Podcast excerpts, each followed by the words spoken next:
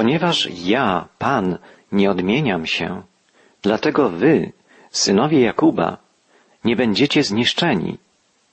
Choć poczynając od dni waszych przodków, odstępowaliście od moich praw i nie przestrzegaliście ich. Nawróćcie się do mnie, a ja zwrócę się znowu ku wam, mówi Pan zastępów. Poruszające wezwanie Pana, żywego Boga. Przekazuje je prorok Malachiasz, a znajdujemy je w końcowym trzecim rozdziale księgi, a więc słowa te zapisane są na ostatnich stronach Starego Testamentu. Bóg się nie zmienia, jest wierny, jest Panem miłującym, miłosiernym, ale też sprawiedliwym i świętym. Pan wzywa swój lud do upamiętania, do nawrócenia i obiecuje, że przebaczy wszystkim tym, którzy się do Niego zwrócą. Okaże swoje miłosierdzie wszystkim szczerze pokutującym. Tym, którzy odwrócą się od grzechu, porzucą złe postępowanie i zwrócą się ku Niemu z prośbą o oczyszczenie, o moralne i duchowe odnowienie. Zwróćmy uwagę, że bardzo podobne słowa Pana przekazał działający przed Malachiaszem prorok Zachariasz. Oznacza to, że po powrocie z niewoli babilońskiej lud Jerozolimy popełniał podobne błędy jak poprzednie pokolenia. Prorocy działający w odbudowanej Jerozolimie alarmowali, że owszem odbudowana została świątynia, mury, całe miasto, ale brak odnowy moralnej, brak duchowego odrodzenia. Na kilkadziesiąt lat przed Malachiaszem prorok Zachariasz ostrzegał. Powiedz im tak, mówi Pan zastępów. Nawróćcie się do mnie, mówi Pan, a ja zwrócę się do was. Nie bądźcie jak wasi ojcowie, do których przemawiali dawni prorocy. Pan był bardzo zagniewany na waszych ojców. Prorok przypomniał, że Bóg dopuścił, iż przodkowie obecnej generacji zostali uprowadzeni do niewoli, a Jerozolima wraz ze świątynią legła w gruzach, dlatego że swoim nieposłuszeństwem, odstępstwem rozgniewali Pana. Obecne pokolenie nie może popełnić tego samego błędu. Prorok woła w imieniu Pana, nawróćcie się do mnie, a ja zwrócę się do was, mówi Pan zastępów. Prorok wymienia jeden z tytułów Boga, Pan zastępów. W księdze Malachiasza i Zachariasza tytuł ten pojawia się wiele razy. W języku hebrajskim występuje w tych wszystkich przypadkach słowo tsaba, które oznacza niezliczone zastępy, oznacza nieograniczoną moc albo pokonującą wszystko broń. Takie określenie Boga podkreśla Jego nieograniczoną moc. Moc, która jest w stanie przemienić wszystko, a także potęgę dobroci i miłości Boga. To właśnie miłość Boga jest w stanie pokonać wszelkie przeciwności. Jego miłość, Jego łaskawość, dobroć objawia się w przekazanych przez proroka słowach Nawróćcie się do mnie, a wtedy ja zwrócę się do was. Bóg daje swemu ludowi kolejną szansę. Oczekuje tylko jednego. Upamiętania, nawrócenia. Nie bądźcie jak wasi ojcowie, do których przemawiali dawni prorocy, mówiąc, tak mówi Pan zastępów, odwróćcie się od waszych złych dróg i od waszych złych czynów. Lecz oni nie usłuchali i nie zważali na mnie, mówi Pan. Bóg ostrzega, nie bądźcie jak wasi przodkowie. Oni nie usłuchali proroków, choć wiedzieli, że to ja ich posłałem. Kto nie słucha Bożego proroka, kto nie słucha Bożego Słowa, ten sprzeciwia się Bogu i naraża się na Jego gniew. Bóg przypomina, o co apelowali prorocy. Wołali, porzućcie drogi złe i swoje złe czyny. To jest jasne poselstwo. Od początku to same. Człowiek musi porzucić złe drogi, musi porzucić samolubne, bezbożne ścieżki życia i zaprzestać czynienia zła. W Księdze Przysłów znajdujemy taką przypowieść. Zaufaj Panu z całego serca i nie polegaj na własnym rozumie. Pamiętaj o Nim na wszystkich swoich drogach, a On prostować będzie Twoje ścieżki. To jest najlepsza rada Bożego Mędrca. A my postępujemy często wręcz odwrotnie. Nie ufamy Panu, tylko sobie. Polegamy jedynie na własnym rozumie. Chodzimy swoimi własnymi ścieżkami, nie pamiętając o Nim. To nie podoba się Bogu i prowadzi nas ku zgubie. Prowadzi nas na zatracenie. Bóg apeluje, porzućcie złe drogi i swoje złe czyny. I poprzez usta proroka dodaje ze smutkiem, oni nie usłuchali i zlekceważyli mnie. To jest największy błąd, największy grzech. Zlekceważyć Boga, nie słuchać Jego głosu, odmówić Mu posłuszeństwa. Wielcy prorocy Izajasz, Jeremiasz, Ezechiel, Daniel, a także Ozeasz, Joel, Micheasz i wielu innych od wieków wzywali do upamiętania. Prorocy przeminęli, podobnie jak pokolenia, do których się zwracali, ale ich słowa pozostały i trwają, bo są to Boże słowa, słowa natchnione, słowa prawdziwe. Pomyślmy, dzisiaj wsłuchujemy się w nie po tysiącach lat i są nadal aktualne, a może nawet bardziej aktualne, bardziej pilne i znaczące niż wtedy, bo teraz jeszcze bardziej uparcie chodzimy własnymi drogami, jeszcze bardziej ufamy własnemu rozumowi, nie ufamy Bogu. Czynimy wiele zła, coraz więcej zła. Nie chcemy słuchać Boga, lekceważymy Go, choć żyjemy w Jego świecie. Musimy jednak wiedzieć, że słowo proroków, słowo natchnione przez Boga osądzi nas, będzie miarą, zgodnie z którą zostanie rozliczone nasze życie. Posłuchajmy, co mówi Pan przez usta proroka. Zaiste, czy moje słowa i moje przykazania, które zleciłem prorokom, moim sługom, nie doszły do waszych ojców, także się nawrócili i mówili, jak Pan zastępów umyślił postąpić z nami według naszych dróg i naszych czynów, tak z nami postąpił. Słowa Pana zawsze się spełniają. Całe pokolenia zostały osądzone z powodu nieposłuszeństwa, z powodu krnąbrności, uporczywego trwania w grzechu. Ich los jest dla nas wszystkich przestrogą. Słuchajmy słów Pana. Słuchajmy słów Boga, bo On postąpi z nami tak, jak zapowiedział przez proroków. Problem w tym, że ludzie nie chcą słuchać Pana. Prorok Malachiasz stwierdza, wy jednak pytacie, pod jakim względem mamy się nawrócić? Ludziom tym wydawało się, że nie potrzebują nawrócenia. A jednak w ich życiu było wiele zła. Jedyną ich szansą było upamiętanie się i zawrócenie ze złej drogi. Prorok Malachiasz wskazuje im jedną z dziedzin, których muszą dokonać głębokiej refleksji, muszą dokonać zasadniczych zmian. Malachiasz uświadamia im ich niewłaściwą postawę w sprawach religii. Prorok stawia pytanie w imieniu Pana. Alboż godzi się człowiekowi oszukiwać Boga, jak wy mnie oszukujecie? Pytacie, w czym oszukaliśmy cię? W dziesięcinach i ofiarach. Jesteście zupełnie przeklęci, bo wy i to cały naród ustawicznie mnie oszukujecie. Malachiasz przekazuje słowa Boga, które są pełne nagany i żalu. Pan jest oszukiwany przez cały naród. To coś bardzo bolesnego, coś bardzo smutnego.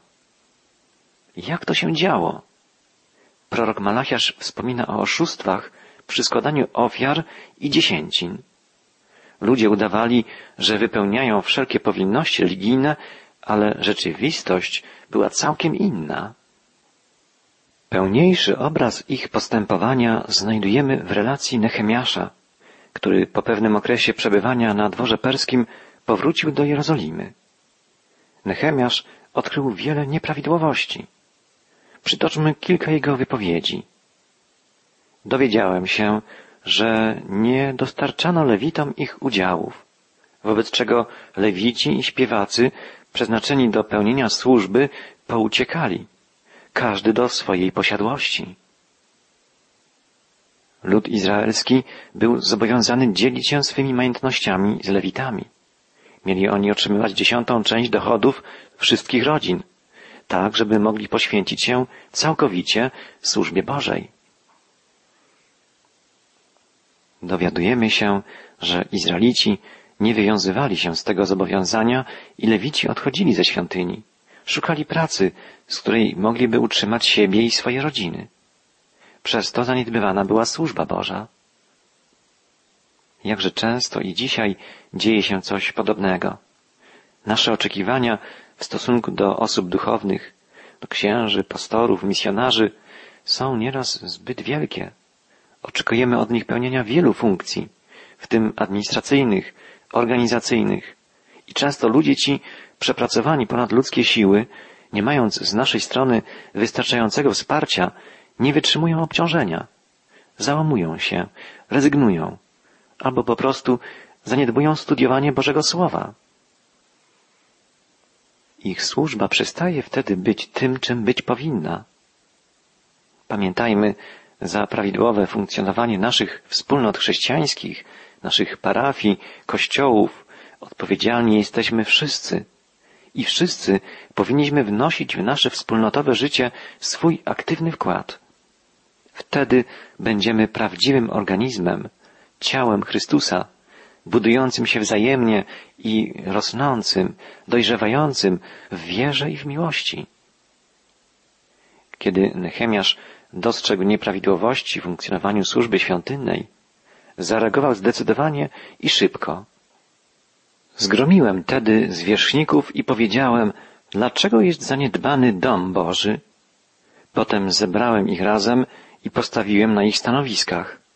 A wszyscy Judejczycy znieśli do składnic dziesięcinę, zboże, moszcz i oliwę. A dozór nad składnicami zleciłem kapłanowi i pisarzowi Sadokowi oraz Pedajaszowi wśród Lewitów.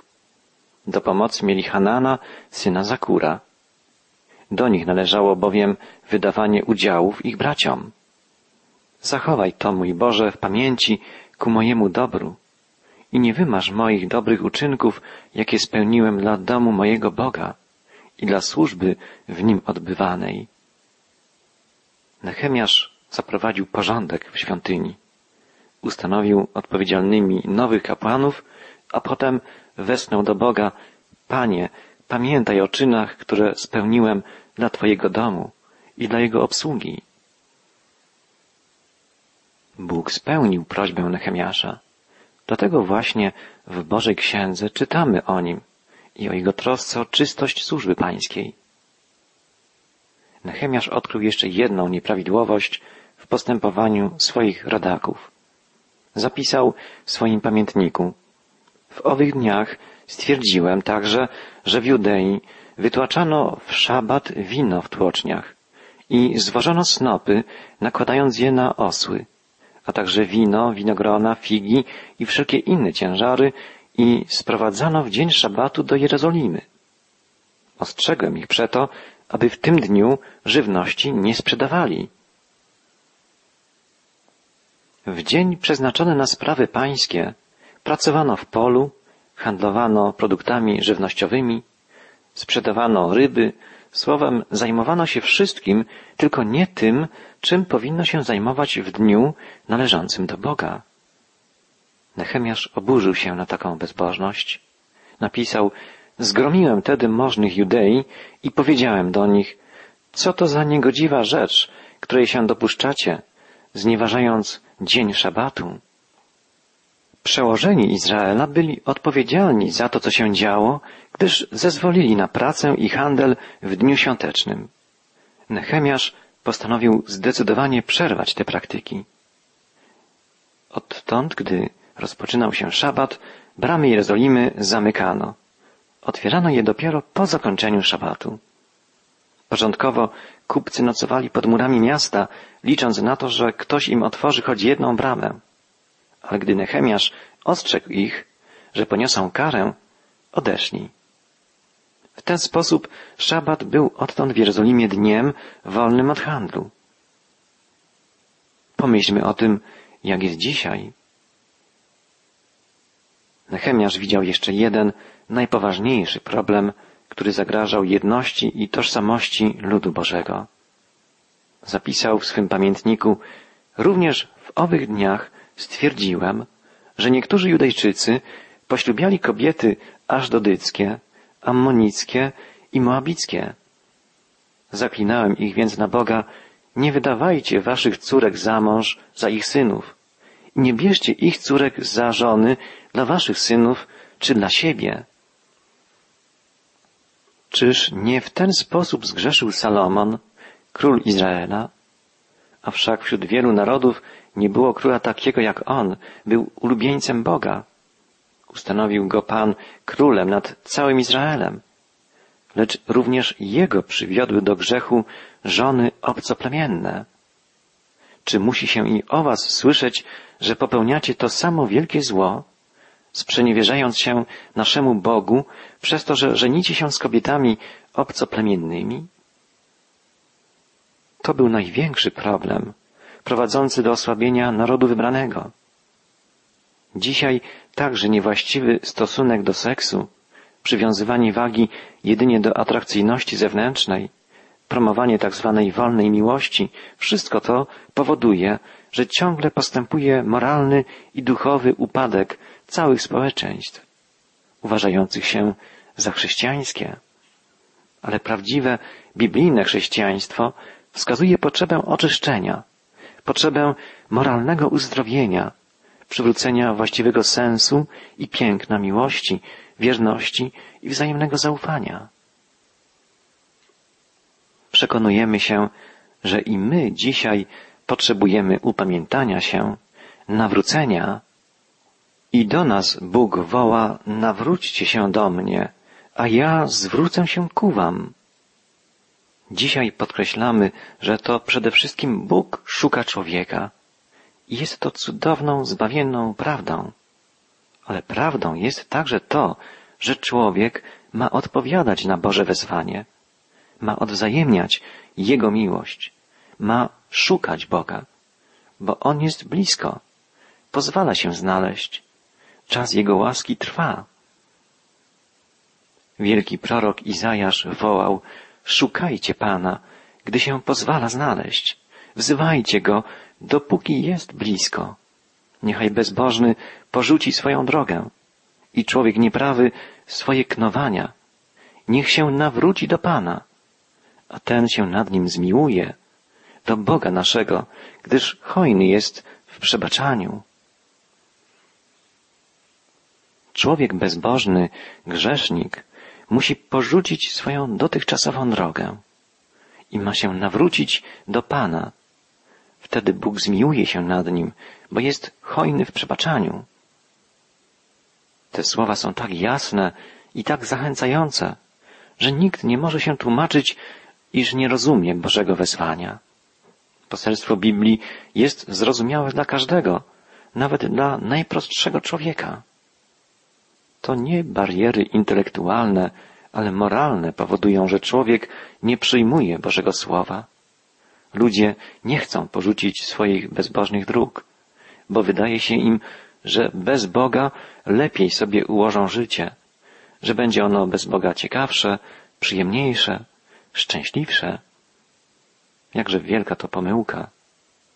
Doświadczyli tej prawdy już Adam i Ewa. Doświadczają jej bardzo boleśnie ludzie współcześni. Pozorna wolność prowadzi do zniewolenia, zniewolenia grzechem, zniewolenia własnym egoizmem.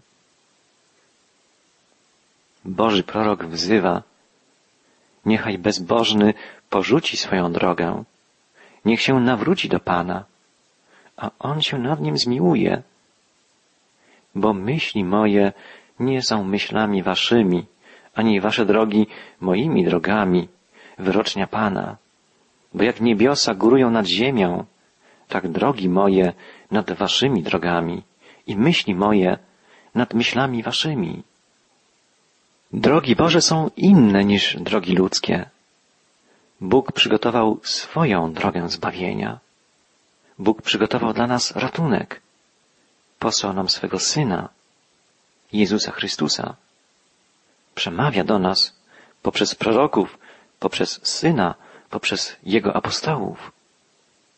Zaiste, podobnie jak ulewa i śnieg spadają z nieba i tam nie powracają, dopóki nie nawodnią ziemi, nie użyźnią jej i nie zapewnią urodzaju, tak iż wydaje nasienie dla siewcy i chleb dla jedzącego, tak słowo, które wychodzi z ust moich, nie wraca do mnie bezowocnie, zanim wpierw nie dokona tego, co chciałem i nie spełni pomyślnie swego posłannictwa.